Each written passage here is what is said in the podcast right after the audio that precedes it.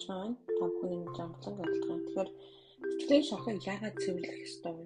Сэтгэлийн шарх яагаад асуудал гаргадаг вэ? Тэгэхээр сэтгэлийн шархаас болоод бид нүрэндээ мас зүүдэг байгаа. Тэгэхээр хүн хараад нэг сайхан хүн зөндөр очихоор дайжгүй. Яг ингээд ярахаар асуудал байдаг байгаа. Тэжүүлийн залуу төг орж ирж байгаа л да. Амхаа цайхан залуу Монгол өрнөг хөгжүүлээ гээл маш өндөр боловсролтой Америк боловсролтой юмсан. Тэгээд соёлын бизнестэй тийм залуусаа.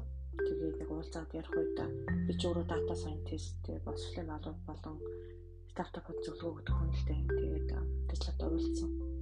Тэгээд тэр залуу минь итгэж байсан учраас би яриа өрнөлсөн л дээ.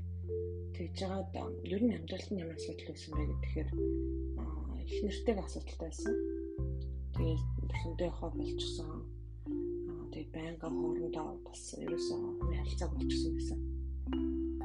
Ингээ ярихаар жишээлбэл олон хүүхдээ бас солин ялгаатай хүмүүс ихнэр хөрөө өдөр хэсвэдэг. Солонгос нөхөртэй бахад нөхрийн шалан дээр унтдаг, холын шалан дээр би өөрөө орон дээр унтдаг, газар унтж чаддаггүй. Холын шалан дээр тэрнээс болоод тусдаа унтдаг болсон.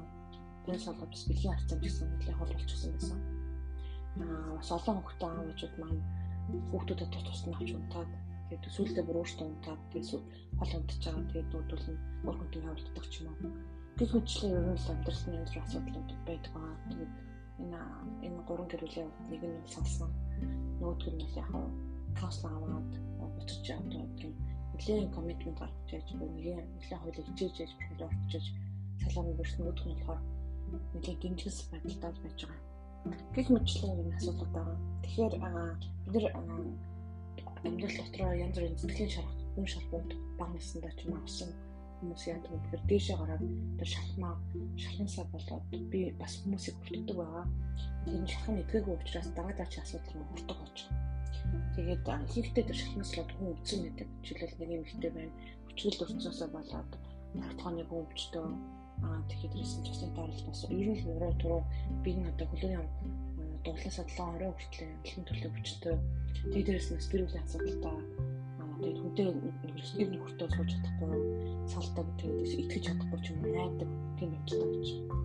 Тэгэхээр яг тэрний шалтгаан нь бол удаан насны болсон хүчилэлтээс болж байгаа. Тэр нь олох юм маш чухал. Тэгээд шар бас хүмүүсийг хичгүүр тэгээд уур уцаар найдвар байдал заримдаа депресд орсон байдаг.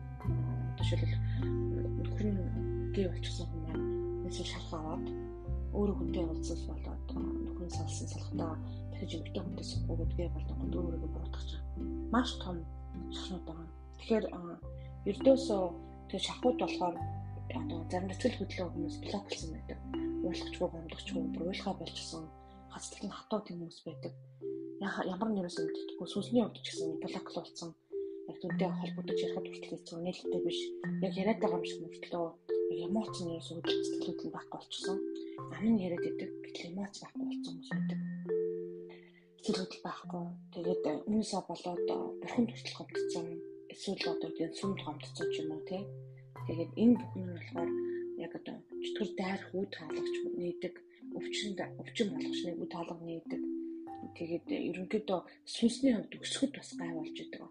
Тийм учраас өвдсөн сэтгэл санаа шархтай хүмүүс хариуцлага эдгэрсэн хүмүүс сэтгэл санаа шарх авсан хүн туслахтаа сайн байдаг.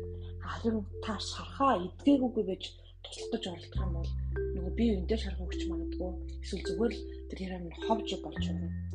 Яагаад тэгж хэлж байгаа юм бэ гэхээр би Яков 5:16 уншиж байл та. Тийм учраас би биенийхээ өмнө нүглээ хүлээншүрч би нэгнийхээ төлөө залбирх. Ингэсээ та нар эдгэрдэх болно гэж. Тэгээ би үүндээ яг нэг каунслинг үйлчлэл буюу зөвлөгөө үйлчлэл тухайн хүний одоо яг асуудал байгаад хан хан болоод би энэ ярилцдаг байгаа нүглээ хүлээншрээд ярилцах үед итгэвддэг байгаа тэр хүн. Тэгээ зөвхт хүний залбирал нь өвлөлтөө бөгөөд ихийг гүйцэтгэж чадна гэж. Тэгэхээр бид аль аль нь зөвхт болж байна. Тэр тийм учраас энэ тохиолдолд яг үгээр тухайн хүний мэрэгжлийн өндөр очихгүй ч юм эсвэл тухайн үед сүнсний үед итгэсэн чөлөөлөх зүйтэй ярихгүй байх юм бол явах юм ярихгүй байх юм бол харин ч буруу заавар зүйлгүй хайлтаа.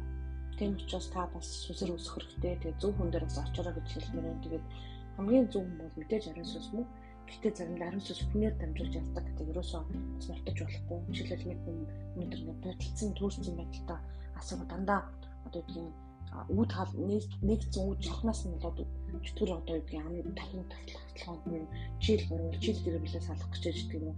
Чийл одоо ингэж юм гээд байнга толгойд янз бүр мэдээлэл өгсөн байсан гэ тэр нь үнэхээр таны бодол биш ээ гэдгийг ялгаж хэлэх өдөр хүн идгээд чөлөөлөгдсөн байж байгаа жишээлбэл.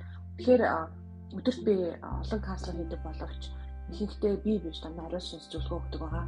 Тэгээ үнэхээр мэрэгүү хаан бурхны мэрэгүү хааны гараад би үнээр гайхшиж автаж байдаг байгаа. Тэгээ эзэнд бүх алдан хөргөдөг байгаа.